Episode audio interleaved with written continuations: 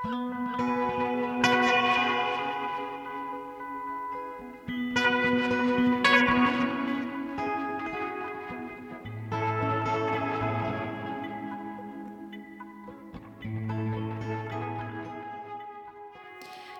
úr dýraafurðum, ASMR, vísendaskaldskapur og allt sem sínist.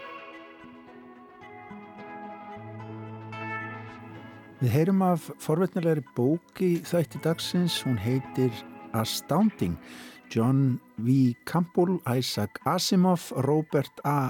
Heinlein, L. Ron Hubbard and the Golden Age of Science Fiction. Jú, hún snýst um vísindaskálskap. Björn Þór Viljánsson hefur verið að lesa bókina og segir okkur frá. Valdís Steinarstóttir vöruhönnur sínir nú í Hafnarhúsinu efnisrannsóknir sínar á Hönnunamars. Til sínis er meðal annars lífrænt plast sem hugsað er til að pakka inn kjötuvörum en plasti vinnur hún úr dýraaförðum sem annars færu til spillis. Valdís hyggst nýta sér meðlunar leiðir ASMR til að vekja skinnfæri gesta og hlustenda rásar eitt. En við byrjum þáttinn niður á kjarvalstöðum, þar verður opnuð í dag eða reyndar í kvöld síning sem að heitir Allt sem sínist, raunveruleiki á strega 1970 til 2020. Fjörnmalkir listamenn sækist eftir því að ná fram ímynd raunsægis í verkum sínum En á kjárvalstöðum hefur verið safnað saman úr ymsum áttum, meðal annars úr safninginni en líka úr engasöfnum, ymsum myndum sem að hafa raunsæð að kjarna. Sýningastjóri á þessari síningu er Markus Þór Andresson. Við hittum hann fyrr í dag. Markus, ég bjallaði þig gært þess að fá þetta þess að mæla okkur mót svona og hérna ræða þessa síningu. Þá sagður mér að, að þú væri sko eiginlega að takmarka þig. Það væri aðeins og marga myndi sem kemur til greina. Eh, er þetta búið að vera mjög blóður niðurskurur? Já, því miður þá er það bara þannig að, að hérna, allavega í þessu tilvík er það þannig að við vorum alveg gríðalegt magna frábærum verkum sem við þurftum bara hreinlega að velja og hafna til þess að, að þessi síning svona myndi segja þá sögur sem við viljum segja og, og draga fram svona það helsta og líka bara verkinn fá að njóta sín, þetta sé ekki og mikið kraðak þó þetta sé vissulega hálfgett kraðakjöndinni, veit það ekki hérna, sko, kríterjan er bara einhvers konar realismi eða það ekki, einhver raunsægi Já, uh, og bara, og nákvæmni kannski í vinnubröðum, ekki satt? Já, emmitt, það má bara segja að undist að það sé þeir listamenn sem að vinna þannig, gagngert, að þeir eru að horfa með sínum augum og, og svo fer þetta í gegnum þeirra huga og fram í fingurgómana og yfir á tvíviðan flöt. Það er þessi þessi tólkun þeirra á þeim sem þeim sjá í raunheimum og hvernig það fer yfir á tvíviðan flöð. Langflössum tilvíkum er þetta uh, málverk, það er svona kvöldu við síninguna raunveruleiki á stryga, en það eru líka teikningar hérna innanum og það er þetta ferli, þetta úrvinnsluferli sem við erum að einbita okkur að hérna þannig að við, við strömmum okkur af svolítið frá því að, að þú veist, við erum ekki með svona, svona surrealisma mm -hmm. eða, eða þú veist, ef við hugsaum um, um klukkundarnar Salvador Dali sem að, þú veist, líta út eins og það séu raunverulegar en, en þú veist, við erum ekki þar Er að brána svo? Þannig að við erum svona, við reynum að vera innan einhverja marka en, en raunveruleikin er vissulega Hvað sem getur sagt, nærumhverfið er, er, er það sem kannski fólk er helst að horfa á þegar það vinnur þessa vinnu. Það er að horfa á líkamann, mannamyndir, náttúruna og, og við skiptum síningunni svolítið upp eftir þessum þemu. Það eru mannamynda, sem sagt, álma eða svona að segja, náttúran kemur fyrir í annari álmu, svo er það frásagnirnar. Eins og margir listamenn sé að nota þessa nálgun til þess að segja sögur. Mm -hmm og, uh, og það er líka verið að vinna ákveðna endurvinnslu við þessari tekni, það er verið að vinna upp úr myndefni eða einhverju efni sem er þegar til og svo er það, er það nördarnir sem eru bara að stúdera þetta fyrirbæri, hvernig maður er að horfa og, og hva, hver er munun á abstraksjón og, og realisma og það sem er, fólk verður svolítið svona tekníst, þannig að þetta er svona þessi nokkru þemu sem við skiptum síningun upp í. Egu við til dæmis marga nörda? Já, það myndi ég halda. Og svo er náttúrulega eins og yfirleitt það er aldrei að einfalda hlutina svona svakalega skipta fólki í deildir. Mm. en að þetta skara síðan allt saman á endanum þetta eru allir, allir að flakka svona á milli. En, en það eru nokkri sem eru gaggjert að, að stúdera það hvernig augað getur, mann getur blekt augað eins og Sigtryggur Bjarni Baldvinsson sem hann byrjar í rauninni bara sinn fyrir sem í, í abstrakt, hann er að gera bara rendur og doppur og heldur sér bara við þessi abstrakt uh, fyrirbæri en býr samt sem áður til sjónblekkingu. Og myndunum hérna sem við erum með hér eru, eru svona eins og hann sé að leika sem er speiklun eða svona hvernig, hvernig sólinn merlar á hafleti. En, en í grunninn er þetta bara doppur og, og rendur.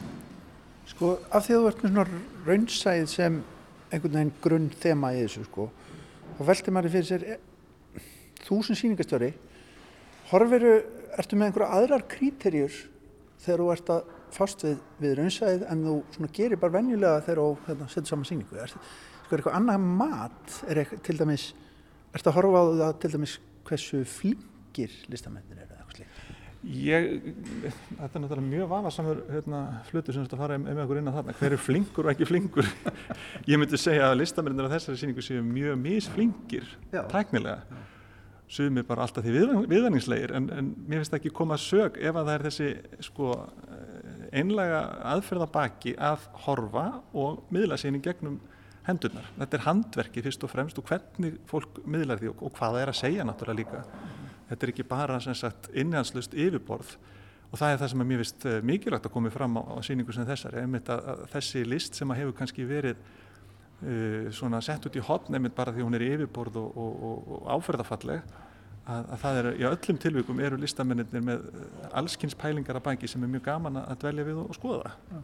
og hérna, þetta eru hluti sem að það er verið að fjalla um heimsmáli, það er verið að fjalla um uh, náttúrulega uh, hvernig maðurinn er að fara með náttúruna, það er verið að fjalla um nærum hverfið og, og heimkynnin og ma maður versus náttúra. Mm.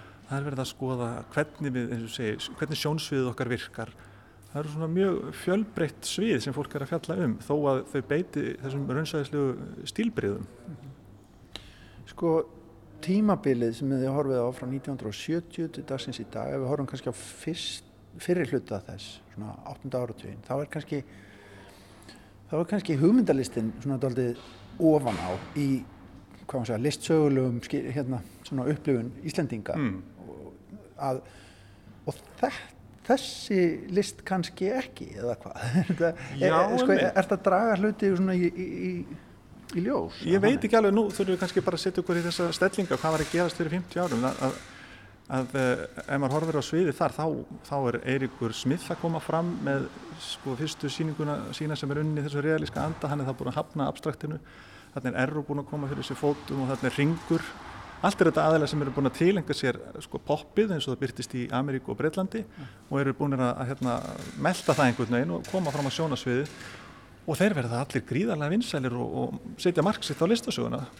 Þetta er alveg í, í blóma ömmu konsultlistarinnar þannig að ég held ekki að þetta hafi verið neitt sérstaklega undir þá uh, en kannski hefur þetta einhverju leiti já, fallið síðan svona í skuggan af öðru í, í setni tíð. Mm -hmm fókusin kannski einmitt á þessum hennan hugmyndathráð Já, Oft. hann er orðið kannski ofan á. Og svo kemur náttúrulega á nýjunda áratögnum annað tímabil við sem að þú veist það sem að nýja málverkið er í allglemi en ef við skoðum bara síninga eins og ungir myndlistamenn 1983 sem var einmitt hérna í þessum kjálfastöðum að þá er önnu hver mynd sko nýja málverk og, og, og, og móti realiskar tilraunir. Þannig að fólk er mjög að spá í þessa hluti, þessa poppuðu hluti vel framann af, svo kemur tíunda áratugurinn Egert Pétursson, Sigtryggur Bjarni Baldvinsson, Þorri Ringsson, þessi menn er að koma fram þá. Og svo bara heldur þetta áfram til dagsins í dag? Þannig að þetta er svona þetta hefur alla tíð sem sagt verið vinsælt meðal margra listamanna fullt af fólki sem hefur lagt bara nótt við dag til þess að ná færni og, og, og árangri af þessu sviði. Og uh, erfitt að segja svo sem að þessi þetta eigi sér einhvern blómatíma frekar en annan. Markus, þú nefnir hérna ímis nöfn. Um, og mörg kallanöfn, það eru konur á þessu líka, eða ekki? Við listum þess að breyka ykkur mjög áfram um það að rétta hlut kynjana, neini, hvað heldur um að auðvitað? Þá eru, eru frábæra listakonur sem að eiga e, sín verk á þessari síningu og uh, það eru til dæmis hérna í deildinni sem við stöndum í núna sem eru portréttdeildin, þá eru tvær konur sem eru með frábær, frábæra serjur, annars við það er Ragnhildur Jóhannsdóttir sem setur fram portrétt af feministum Það eru fjóra konur sem að standa hér og kunnulega andlit úr íslenskri þjóðmála umræðu og það er allar að gjugga í rauða ástasögurnar. Og standa fram með fyrir miklu blómskruði þannig að þetta er svona mjög skemmtilegur útusnúningur á, á uh, feminískri umræðu og, og, og orðræðu um stöðu kynjana og svona mjög gildislæðið að öllu leiti. Góðlótlegt grín gert hérna að, að þessu öllu saman. Mm. og síðan er, er hlaðgerður Íris með alveg ótrúlega magnaðar myndir af börnum. Þar sem að hún sagt nánast eins og ljósmyndari fangar svona stemningar og augnablík stillir svolítið upp sínum módelum. Já hugsa kannski bara alltaf eins og ljósmyndari stíli sér að stað og stund og, og, og född og, og módel býr til svona augnablík mann er verið að hugsa til sko bandaríska svona superrealismans í rauninni. Já, einmitt, hún er alveg á, á, á þeim vettvangi. Og svo leikur hún sér líka því að mála þess að suma myndirnar aðeins að hluta í, í hérna þessum mótífið þess að málað en, en strígin sem skilin eftir auður allt í kring. Og þessum að bara verða að leika sér með þetta förðulega fyrirbæri sem að málverkið er, þessi tvífiði flötur og blekkingaleikurinn þar allt um kring. En ef við hugsaum um til dæmis svona listamann eins og Ring Jóhannesson sko, hérna, sem að taka ná heila mótumanni hérna nokkra myndir eftir hann er gengurinn í salin uh, sko ringur er svona hann til dæmis nær til unglinga. Ég man að ég var rosalega hrifin og ringur unglingstrákur eins og akkurat. já, þetta, er opnandi myndlist. Það er nú svo sannlega sko, til einhvers unnið ef að síning eins og þessi getur nú opna hlutina fyrir fólki. Það alltaf ég að vona vegna þess að þetta eru myndir sem að emitt eru heillandi hverjum sig af því að maður týnir sér í þessu, þessu, þessu blekkingarleik sem að málverkir er þessi tvífið flötur allt í unni opnar þennan, þennan rosalega heim fyrir manni. Og maður veldi fyrir sig hvernig óskupinu fara þau aðeins þessi listamenn og hvaða tæknir hérna baki og, og allt saman. Og það er hérna ef að það kemur fyrst og, og síðan svona hugmyndafræðin í kjölfarið þá finnst mér það ekkit vera verri leið heldur en hver annur inn í myndlist. Og uh, ringur hann er opnandi eins og þú segir og kannski ekki síst fyrir það sækir að hann er með nærumhverfi sitt í, sem, sem viðfónsefni, það er íslenskur veruleiki, þetta er íslenska sveitin, þetta er nærumhverfið hans í, í hérna, bæði sveit og í borg. Þannig að þú veist, eh, íslenskir áhörundu þekkja þetta og, og sínum tíma þekktu þetta og þetta höfðaði mjög til fólks.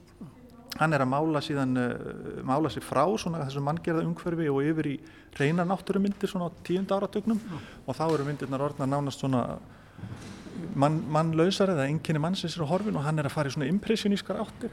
Og þá er mjög forvittnilegt að skoða það um svipa leiti er svonur hans Þorri að snúa sér að náttúrunni. Og uh, þeir skarast svona á nokkur ára tímabili áður en að ringur fellur frá. Og, uh, og Þorri fer síðan sína leið algjörlega og hefur undanferðin 20 ár unnið engungu í svona naturalískar, svona náttúruleg mótíf. Mm -hmm og það er áhugavert að, að skoða veist að þeir eru á sömu slóðum þeir eru veist vinna á sömu vinnustofun í aðaldal fyrir norðan en þetta eru eins ólíki listamenn og hugsaðst getur þótt að báðir séu að vinna með raunsæðisli stilbriði mm -hmm. Ringur er poplistamæður hann er postmodernisti sem kemur upp úr abstraktinu og mörgum modernisma og postmodernisma og er að hugsa um form og uppbyggingu verka sinna er með mjög svona persónulega pensilskrift þó að hann sé svona realískur -hmm. og síðan kemur Þorri með sem boykottar nánast bara mótanisman hann fyrir framfyrir hann og er bara í eh, sko, naturalistum 19. aldar og hann er, hann er ekki að hugsa um form eða uppbyggingu eða, eða, eða neitt slíkt, hann er að hugsa um það að fanga fegurðina hann er að hugsa um fallvalleika heimsins uh, það að ná aldrei að grýpa í, í það sem hann langar til þess að fanga þetta, þetta er svona algjörlega algjörlega ólík afstæða mm. en, uh, en samt svo merri mm. Nú setur þú gaman að ræða við um þetta vegna sem þú setur oft hlutina í samhengi, listsögulegt samhengi og erlend samhengi. En þessi listamenn heldur að sko það er alltaf svona, þeir eru alltaf stundum doldið treyir þessi listamenn að ræða, ræða sig í samhengi við, við erlendaströma en er ekki allir í einhvers konar samtali? Það held ég hljóta að geta sagt og þessi listamenn, sko ef maður skoða bara þessi stílbriði sem við erum að beina sjónum að hérna, þessi raunsæðislega stílbriði, þá er þetta í hverju, hverju listasinu hvar svo sem er, fólk sem að gefur þessu göym mm. og gefur sér að raunsæðinu og með misjöfnum árangri og, og uh, það er fólk sem að uh, er að vinna með sitt nærum hverfi, hvar svo sem það er. Og hérna er þetta að miklu leiti til uh, náttúra og, og nærum hverfi í íslensku samengi um, en stílbriðin eru, eru alþjóðlega eins og þú segir og, og, og í listasögunni þá er þetta alþjóðlegt fyrirbæri, mm. algjörlega. Er þetta skemmtileg, skemmtileg tímabil að skoða þessi síðustu 50 ár? Hún er marg brotin, einhvern veginn, þessi listasaga á síðustu árum og kannski flóknar en, en svona við höfum haldið. Já, nákvæmlega. Það, þetta er náttúrulega mjög spennandi tími síðustu 50 ár upp á það að gera að, að, að hann sprettur upp úr svona mjög línulegri innfaldri sögu mótinismans og svo verður þetta róf þarna fyrir 50 árum þegar allt splundrast í alla ráttir og, og þessi myndgerð sem við erum að skoða hérna verður jafn rétt á öllu öðru sem er verið að þróa og uh, síðan fer þetta allt saman hvert sína leið og, og við erum komið með mikið svona net af, af ólíkum liststefnum sem hrærast saman í samtímanum og, og þú veist eins og við bara erum nýbúin að horfa hérna á útskriftasýningu listaháskólans, það er ekki hægt að segja þessi einhver eitt þráður í gangi í dag, þetta er náttúrulega bara ekki, við erum ennþá bara að súpa segða þessu, þessari splundrun sem varð fyrir 50 árum síðan. Mm -hmm. og það er ekki bara það að fólk sé að sko feta þræði innan þess nets heldur erum við með nokkra listamenn sem ætla sér eða langar einhvern veginn til þess að að boykotta bara þetta tímabil og ekki bara postmodernism heldur modernism að fara fram fyrir hann. Ja. Það er þetta fólk sem er að hugsa um að þetta sé jafnvel bara tímabuti frávik sem hafa átt sér stað á 2000-stöldinni ja.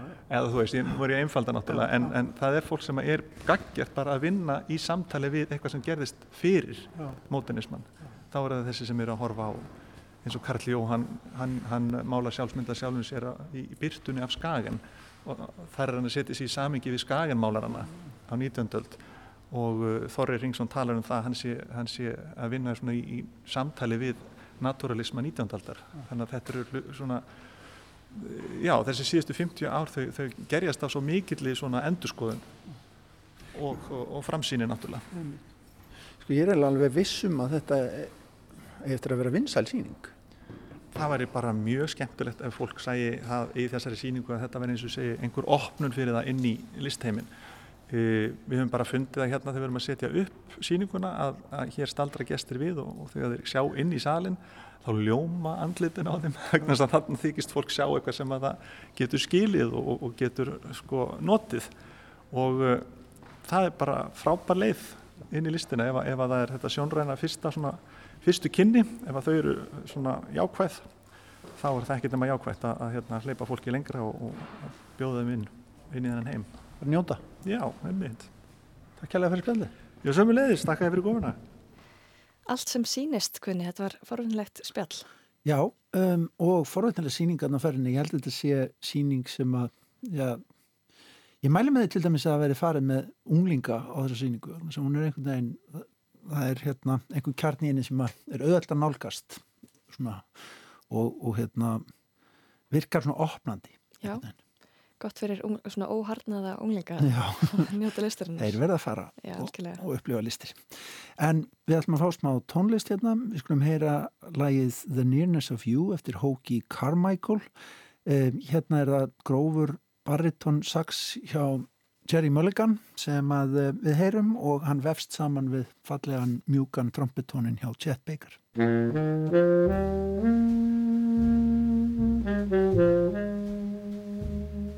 Mm-hmm.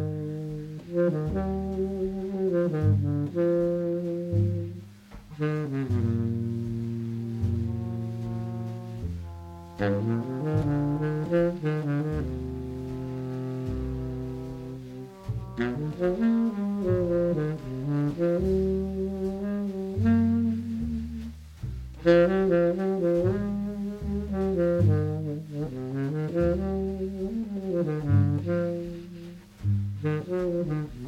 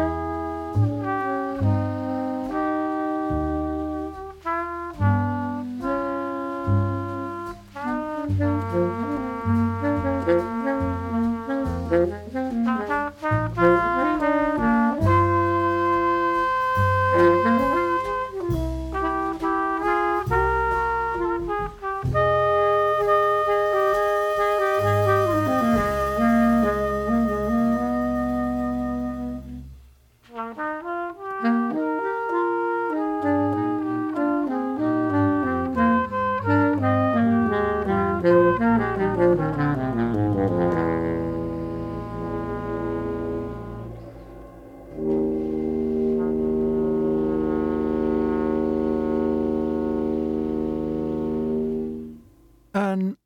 úr mjögum tjassi þá förum við yfir í bókmentinnar og heyrum af forvetnilegri bók um já, sögu vísinda skálskapar sem að Björn Tór Viljánsson hefur verið að lesa.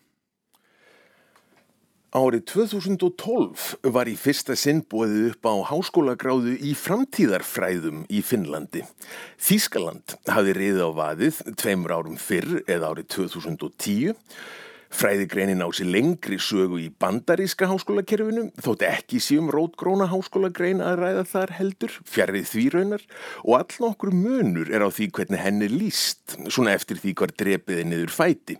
Stundum er áhersla lögð á tölfræði og líkindaútrekninga og tengsl dregin millir framtíðarfræða og félagsvísinda og jafnvel raunvísinda, Annar staðar er fræðigreinin staðsett innan hugvísinda og jafnvel litið á hana sem eins konar sýsturgrein bókmyndafræði og annara menningargreina.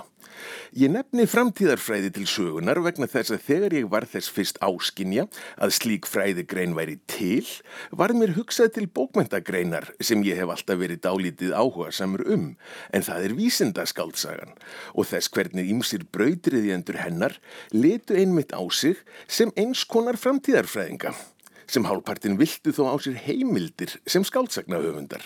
Margir voru þeir einmitt mentaðir raunvísindamenn, sumir störfuðu jafnvel sem slíkir alla æfi og lit á skrefin sem aukastarf eða jafnvel áhugamál.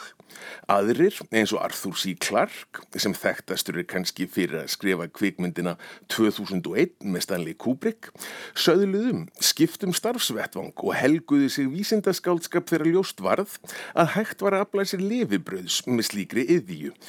Á sínu fyrra starfssviðin er Clarks til dæmis sérstaklega minnst fyrir skrif sínum gerfinnetti á 5. áratugnum, all löngu áður en slík tækni varða veruleika og þá fyrir að hafa fyrstur bent á hugsanlegt mikilvægi þeirra fyrir fjarskipti.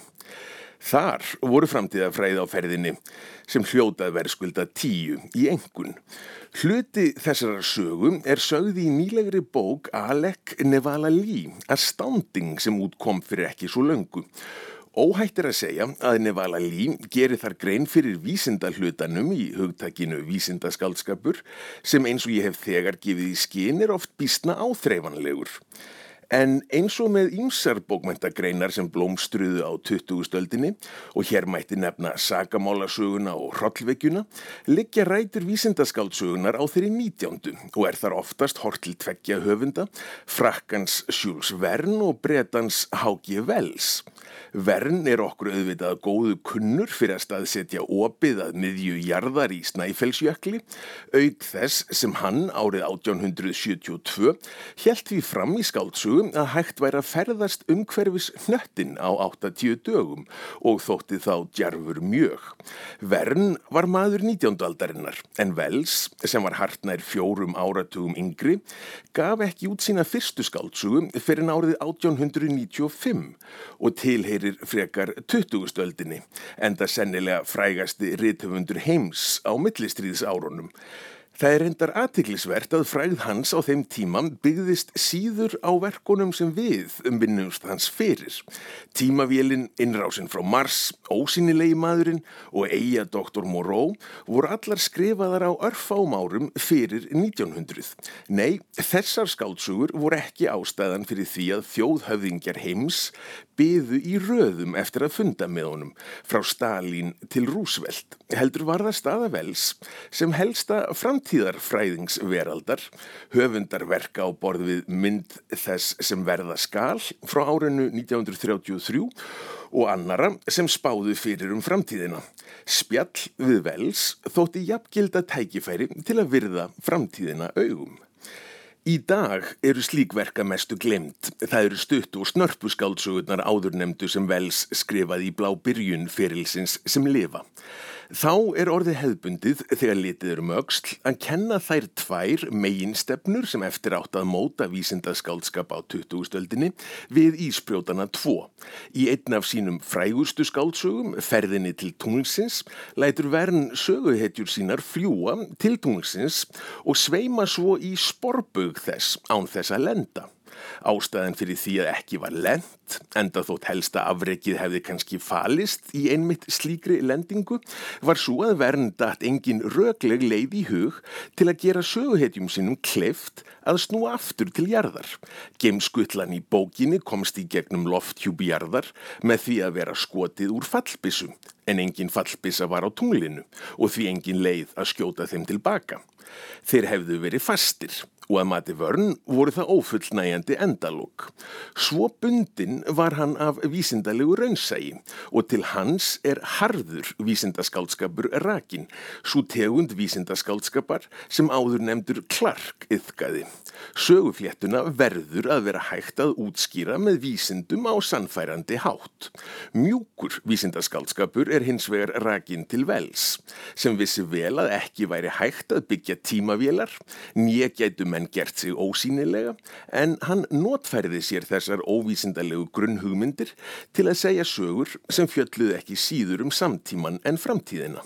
Í setni tíð er Philip K. Dick trúlega þekktasti höfundurinn sem kenna má við mjúkan vísindaskaldskap. Frakki og bretti, það segir líka sína sögum.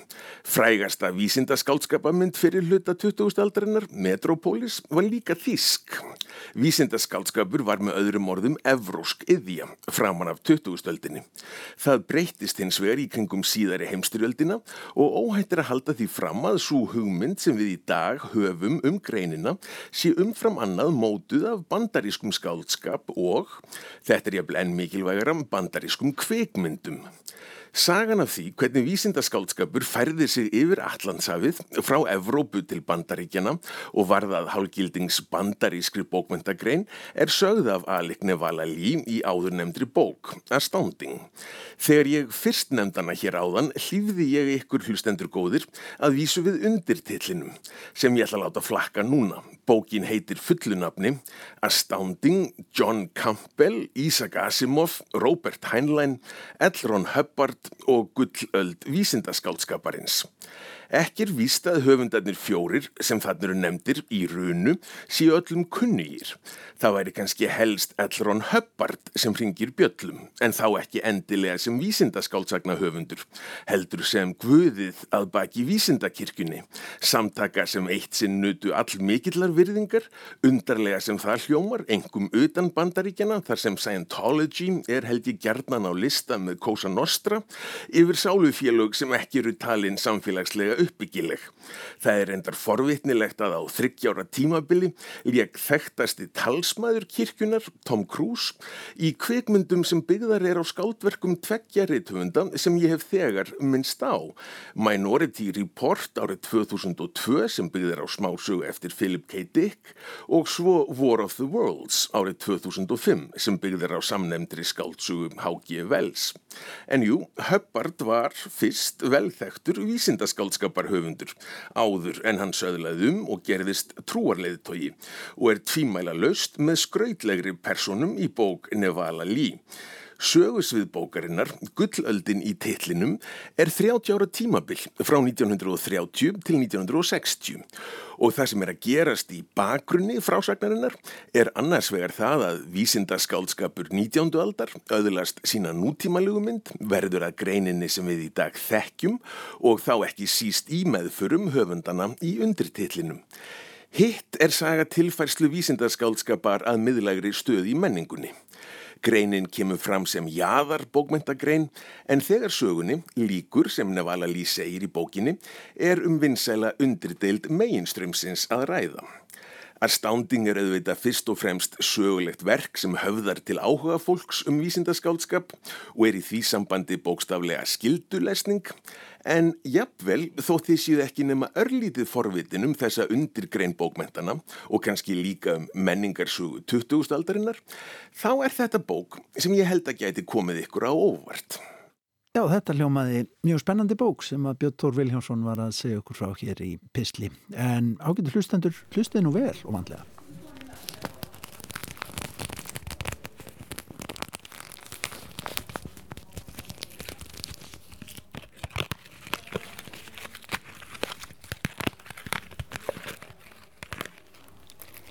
Ég heiti Valdi Steinarstóttir og er vöruhönnur sem er að fara að sína á hönnunamar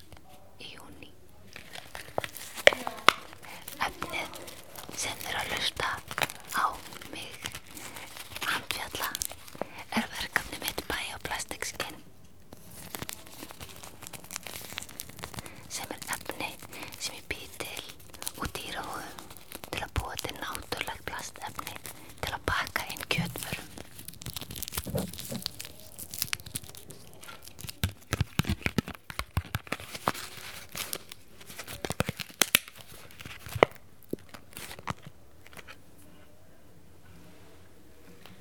Valdís Steinastóttir, eh, þetta var svona pröfu, pröfukersla af, af einhverju sem kallast ASMR, ASMR. Hvað getur þú útskýrt fyrir okkur? Hva, hvað er ASMR? Þetta er svona fyrirbræði sem hérna uh, byrjaði ekkert fyrir svo lungu uh, eða fekk nafn fyrir ekkert svo lungu, kannski kringum 2010 og þetta er sem sagt fyrirbæri þar sem fólk á netinu er uh, býr til myndbönd þar sem það kvíslar og er með svona uh, sýnir uh, eða svona, já, þetta er svona býr til tilfinningu sem er hægt að lýsa sem kýll sem byrjar í nakka eða svona kvirli og re- rennur niður bakið og þetta er svona, já, þetta er svona dálítið búið að vera svolítið vinsalt og, og það er alls konar hérna fagfólk sem hægt er að finna sem er að gera svona myndbönd og ég er náttúrulega bara áhuga manneski um þetta fyrirbæri og ég er svona aðeins að prófa mig áfram í að miðla mínum verkum í gegnum hennar miðl. Og þegar þú útskýrir þessa tilfinningu þá áttu við að, að hlustendur eða, eða þeir sem að horfa vídjón á YouTube, ég veit þetta er stort þar, þeir eiga sagt að upplifa þetta kýll í heilanum Já, nákvæmlega. og eru allir næmir fyrir þessu. Nei, það er nefnilega mjög misjámt og eins og ég finn bara hjá sjálfur mér að fyrst fann ég ekkert fyrir þessu, ég skildi ekkert af hverju fólk var að hrifið af þessu og svo hérna heyrði ég myndband akkurat af hundum að borða popp og þá ekkert nefnilega bara eins og eitthvað smollið inn í mér og ég bara byrjaði að upplifa allt í henni þetta fyrirbæri ASMR, bara allt annað hátt en nokkuð mér gert.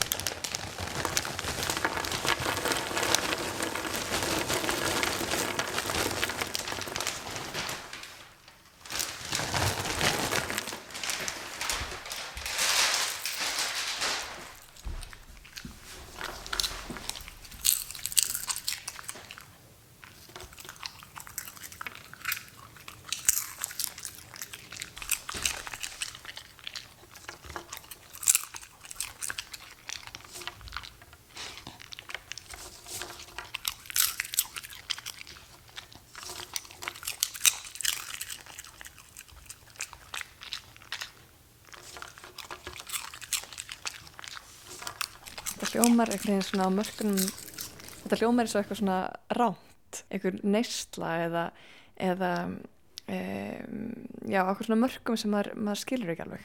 Já, er nefnilega því þetta fyrirbæri er, það er ekki alveg byrjað að skilja, það er enga vísindagreina til um þetta en samt er rosalega stór hópur fólki sem finnur fyrir þessu og í rauninni, og ég held við höfum alltaf fundið fyrir þessu að því að það er til dæmi um að myndbönd sem voru ekkit ætlu til þess að vera ASMR myndbönd hafi gefið fólki þessa tilfinningu. Eins og Björk að tala um sjónvarpi sitt sem var tekið upp eitthvað til maður örgulega 1990 og eitthvað og hann að málarinn Bob Ross að mála myndir og útskjæra hvað hann var að gera. Þetta er allt svona, verið talið svolítið svona byrjunin á þessu fyrirbæri því að fólk tengdi við veginn hljóðinn og hvað róaðist við að hlusta á þetta. And this beautiful television has put me, like I said before, in all sorts of situations. All right, let's have some fun. Time to get crazy. Let's mix up some Prussian blue, some black, crimson. Whew, a lot of color there, dark. It should look black. But it has a blue base to it. I'll even put a little brown in it keep it dull. There. Og hér heyrum við brot úr þessum myndböndum sem að Valdís myndist á.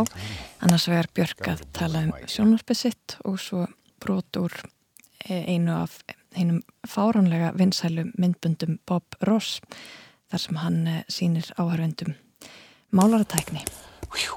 A lot of color there, dark. It should look black. þannig að fólk bara viðist dálegast af þessu En þú ert sem sagt, þú fórst að skoða þetta í, í kófinu. Já, nefnilega. Og að því ég er búin að vinna mjög mikið með efnisrannsóknir og ég hef upplefað það þegar ég er að sína efnisrannsóknina mínar að uh, fólk sem fyrst almennilega skilur efni mín þegar það fær að snerta og fær þar að lendi þannig námt við efnið.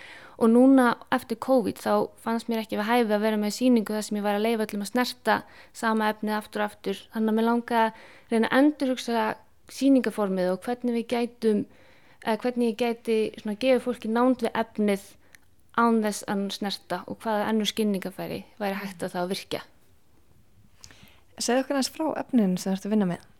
Herri, Þetta er röð af efnum sem ég er að vinna og ég er svona að rannsaka uh, þau efni sem hérna, uh, kjötframleysla býr til sem fara vannýtt og eru bara hent við framleysluna og ég er svona reyna, rauninni að reyna að benda á svona hvernig, hversu mikilvæg þessi efni eru og hversu dýrmætt eru og hvað er ótrúlega sorglegt að við séum bara að henda þeim eða vannýta þau og líka kannski svolítið á sama tíma að svona varpa fram spurningum um samskiptu okkar við dýr og kjötnýslu. Er þú, borðað þú kjöt? Já, ég gera það. Ég fari mjög fram og tilbaka með það en ég hef svona, núna, ég borða núna kjöt en gera það samt svona, reyna að hafa mjög mikla hugsun á baku eða ekki bara í hugsun að leysi eins og ég hef alveg gert það á æfinni bara, maður fatta ekki eins og maður var bara kjöt bara skinka var bara skinka og bara ekkert svona, pælta ekkert í því. En núna reynir ég að vera með mun svona skynnsamari minni á kjötnýslu Meðvitið og, og, og kannski þakklátt Já, nákvæmlega.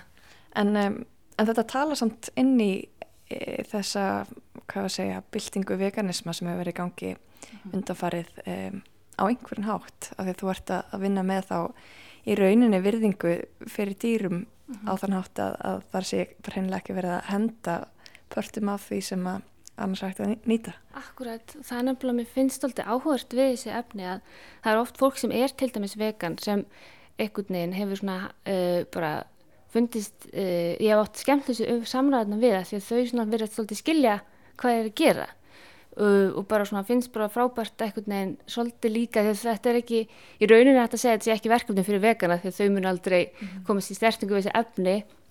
En þannig að þau eru smá svona, já, bara gott að þeir sem borða kjöð þurfu bara svolítið að, að horfast í augu við ráðöfnið eins og pakningarna sem ég geru úr dýrahúðum sem eru bara eins og plast, bara náttúrulegt plast sem eigðist í jörðinni. Að hérna, það er akkurat þeir sem borða kjöt sem virðast hafa mjög meira svona neikvægt um það að segja, svona finni fyrir ykkur svona kannski svona, svona geðsfræðingu við það því þetta er náttúrulega svo viðkvæmt maturinn okkar er svo náinn okkur og svo þurfa að horfast í auðvitað við kjöt sem er framrikt í einhver svona plasti úr dýrunu sjálfu. Þetta fyrir upp tilfinningar en það er líka sem ég vil gera með þessum verkefnum. Að ég, vil, ég vil að við séum að hugsa meira um þetta Vá, mér það rosalega áhugart að heyra þetta að, að þetta kveiki upp óþægilega tilfinningar hjá fólki sem borðar kjött. Akkurat, það er hjá sumum. Svo erum við líka auðvitað fólk sem borðar kjött og bara alveg, við finnst bara fullkomið að vera fullnýta og allt það. En þetta samt, ég hef akkurat fundið fyrir því að því að fólk hefur verið að spurja svona, já, er ekki allir vegan, þetta er brjálæðir. En það er bara alls ekki, en við, allavega ekki þeir sem ég hef talað við. Það er akkurat freka fólk sem borðar kjött sem hefur haft svona eitthvað svona neikvæðar að segja en það er líka bara ótrúlega áhugaverð umræð því þetta er það sem ég vil gera með þessum efnum. Mér langar í umræð, mér langar við séum öll að ræða þetta og ekki þetta sé eitthvað tabú og mm -hmm. þú veist, að því annars fer, fara þessi efni bara til spillis. Og, og þannig ertu að, að minga plastnesli í leðinni Já, nefnilega, að því að minnst líka alveg styrla að við séum að borða kjöti í einnund og plasti og bara sóun og sóun. En þú ert ekki bara með e, þetta lífræna plast E, það eru tveir aðri hlutur hér á borðinu. Getur þú sagt okkur frá þeim? Mm -hmm. Hérna er til dæmis með efni sem ég ger úr beinum og ég sem sagt uh, gerir lím úr beinunum og gerir uh, kólaðu og blanda þeim svo aftur saman að ég fæ fljótandi efni sem ég get móta í rauninni eins og keramík og það hefur svipaðan styrk og MDF-plötur. Þannig að þetta er svona rauninni byggingarefni og kannski líka á vissu leiti svona, ný, svona nýtt kraft eða svona uh, hvað segir maður, svona uh, handverk, handverk. Neitt, áhvert, hvernig, hvernig dætti þetta hug? Þetta var svona þessi svona, þegar maður byrjar að rannsaka þá hérna verður maður svo oft bara svona alveg bara kafar djúft og hann í efnið og, og byrjar að búta efni í mínu tilviki og hérna og þá akkurat bara svona eitthvað neinn þegar ég byrjaði þessa rannsókn og bara tók ég alls konar sáöfni sem uh, kjöttframlæslega býr til aukala og bara og byrjaði bara að gera rannsóna vinnu og bara prófaði mig áfram í rauninni. Þetta með að búið til lím úr beinum er auðvitað alþekkt, er, var það kveikja hjá þér? Já, algjörlega, náttúrulega rannsóknin snýst líkum akkur til að sjá hvað er búið að gera og taka það svo inn í nútíman og sjá hvernig er hægt að nota gamla þekkingu til að búið til nýja. En getur þú sagt okkur bara hvernig nákvæmlega þetta sem saminar þessi efni sem leggja borðinu að vinna með dýra afurðir, hvernig það kom til þín? Sko það byrjaði í listaháskólanum, þá fekk bekkurum minn hérna, það samela verkefni að bara, veist, að hesturinn, íslenski hesturinn var bara verkefnið. Og þau voru svolítið að hvetja ykkur í að gera efnisansóknir og þar akkurat hérna bara byrjaði þetta og ég er bara búin að vera að halda áfram síðan. Og það var akkurat hérna þetta sem ég held á núna ég veit ekki hvort það heyrist nógu mikið í þessu en ég held sér þetta á hérna hrosshúð og það var til dæmis e, það var rauninni fyrsta verkefni sem ég svona gerði hérna beint eftir skólan þá byrjaði ég og Kristín Karlsdóttir fattahönnur rannsókn á hrosshúðum og hérna og þetta er ótrúlega fallið tráöfni af því að íslenski hestunum fær svo laung og fallið hár. Og þetta er bara í rauninni eins og loðfeldur og mér fannst ekkert að þetta var bara svona svolítið kveikina í hvað þessi efni eru fallið þetta er bara ótrúlega víst, finnst mér vera dýrmætt ráöfni sem er ótrúlega sorglegt að sjá bara vera hend En er, af því þú ert að tala svo mikið um að nýta það sem er hend um, er prinsip hjá þér að nýta bara það efni sem annars færi til spillis? Já, algjörlega. Mér finnst að víst, öll þessi verkefni er það samilegt og ég myndi aldrei vilja að ef þetta er, er það einhverju stóru og fjöldaframlýslu að þá eru algjörlega búin að missa margs mm -hmm. að, því að, að því við búum á eigu og það er ótrúlega lítið af hráöfnum mína þar að lendi fyrst mér ótrúlega mikilvægt að vera ótrúlega meðvitaður um hráöfnin sem við höfum til staðar og hvort sem við bórum kjöti í framtíðan ekki þá verða dýr til staðar og mér finnst að við eigum að nota bara allt náttúrulegt hráöfni sem finnst hérna á landinu sem er ekki að fara að vera skadalegt fyrir heldur landurgjörðina að nýta. Þannig að það er mjög stór partur af mínu verkunum. Valdís Steinarstóttir, eh, til hamingi með spennandi rannsókn sem verður ofnberið hér í Hafnarhúsinu og, og takk fyrir að segja eitthvað frá henni. Takk fyrir mig.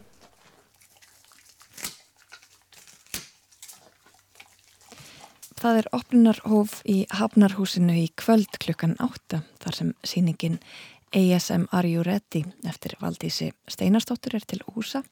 Hún sínir þar efni á nýstárlegan máta með hjálp ASMR skinjunar en uppaf rannsóknarinnar, efnis rannsóknarinnar var íslenski hesturinn.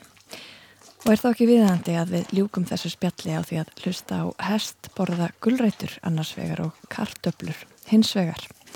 Sperrið eirun hlustendur góðir og aðtöði hvort þið séuð næm fyrir áhrifum ASMR.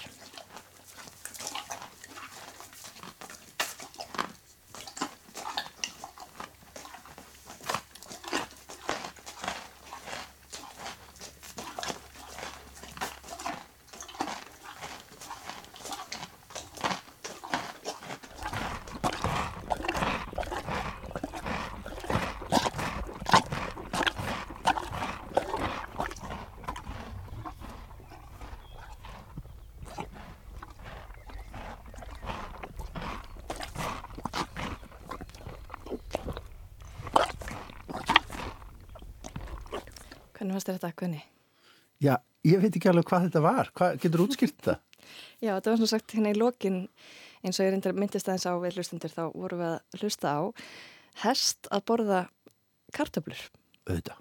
Það segir sér sjálf. Þetta er svona upplýkandi hlustum fyrir, fyrir þetta er kannski óvænt fyrir hlustendur ásar eitt, það er ekki svona hverjum degi kannski sem að, sem að þessi er útvarpað. Nei, ég held ég að aldrei heyrt þetta. Akkurat. Uh, en það er nóg að gerast í kvöld fyrir það sem vilja njóta menningarinnar í, í bænum.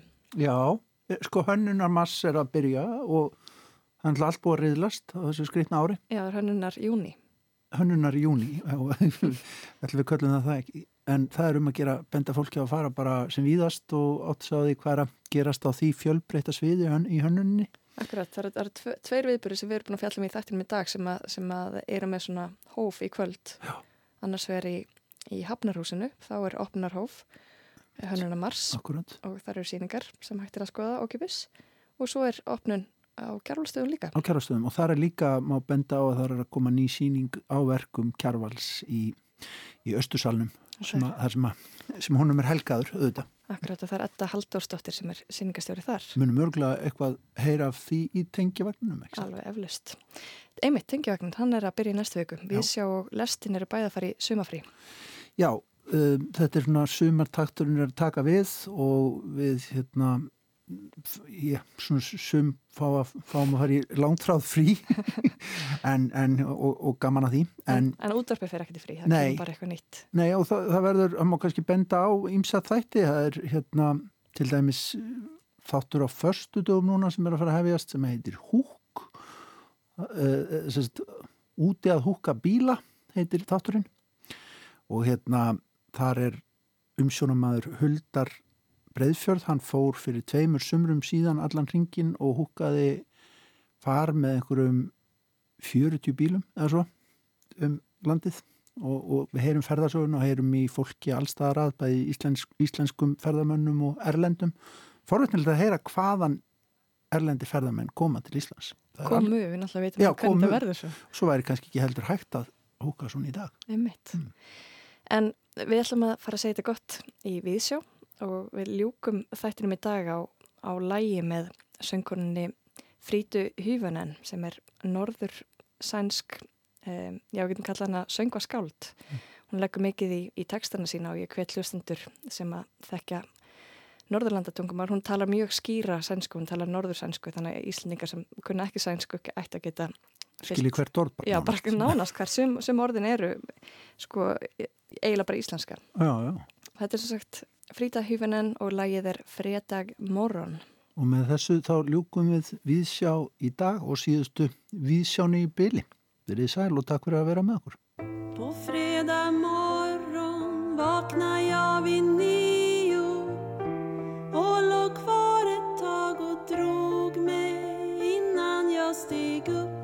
Sen åt jag frukost vid mitt skrivbord och det var då jag såg att du hade skickat mig ett e-mail under natten. Jag gick till köket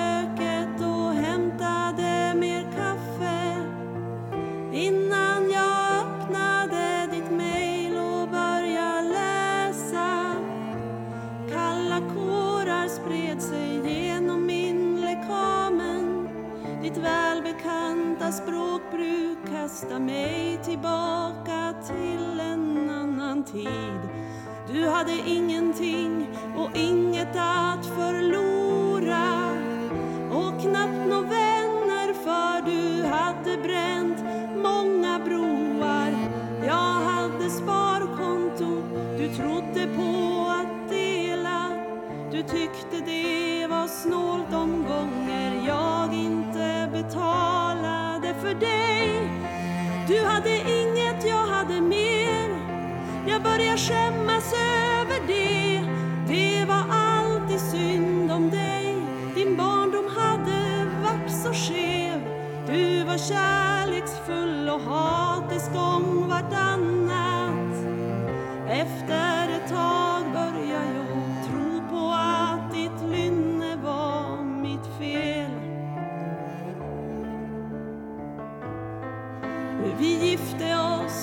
flytta till Paris.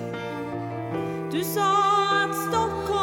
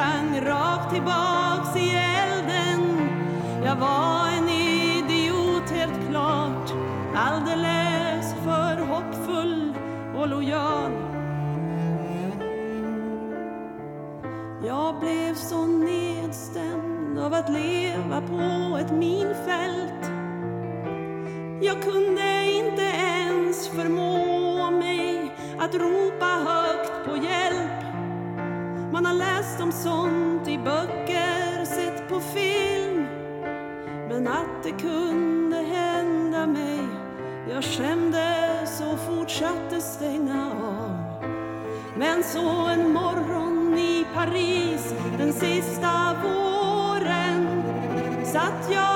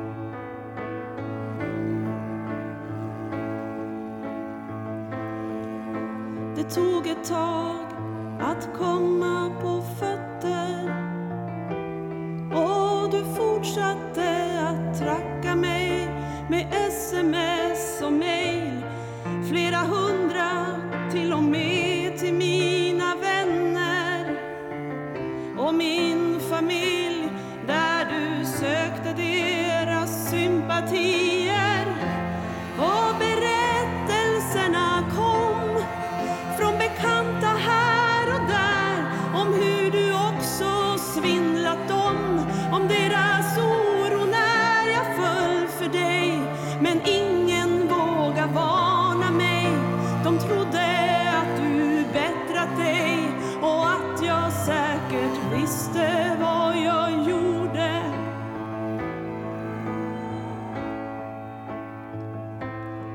Och nu författar du ett e-mail under natten. Och du skriver som om ingen tid har gått. Det står att du vill vara min vän att världen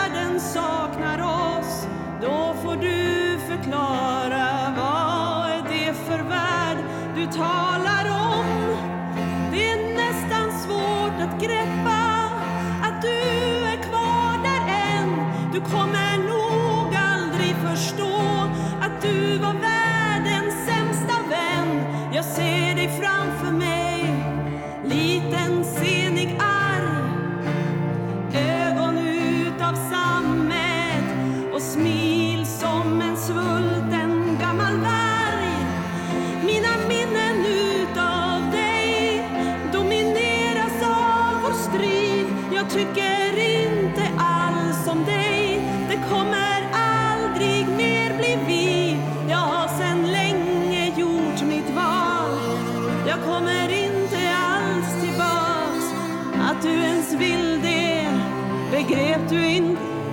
fruktansvärt det var.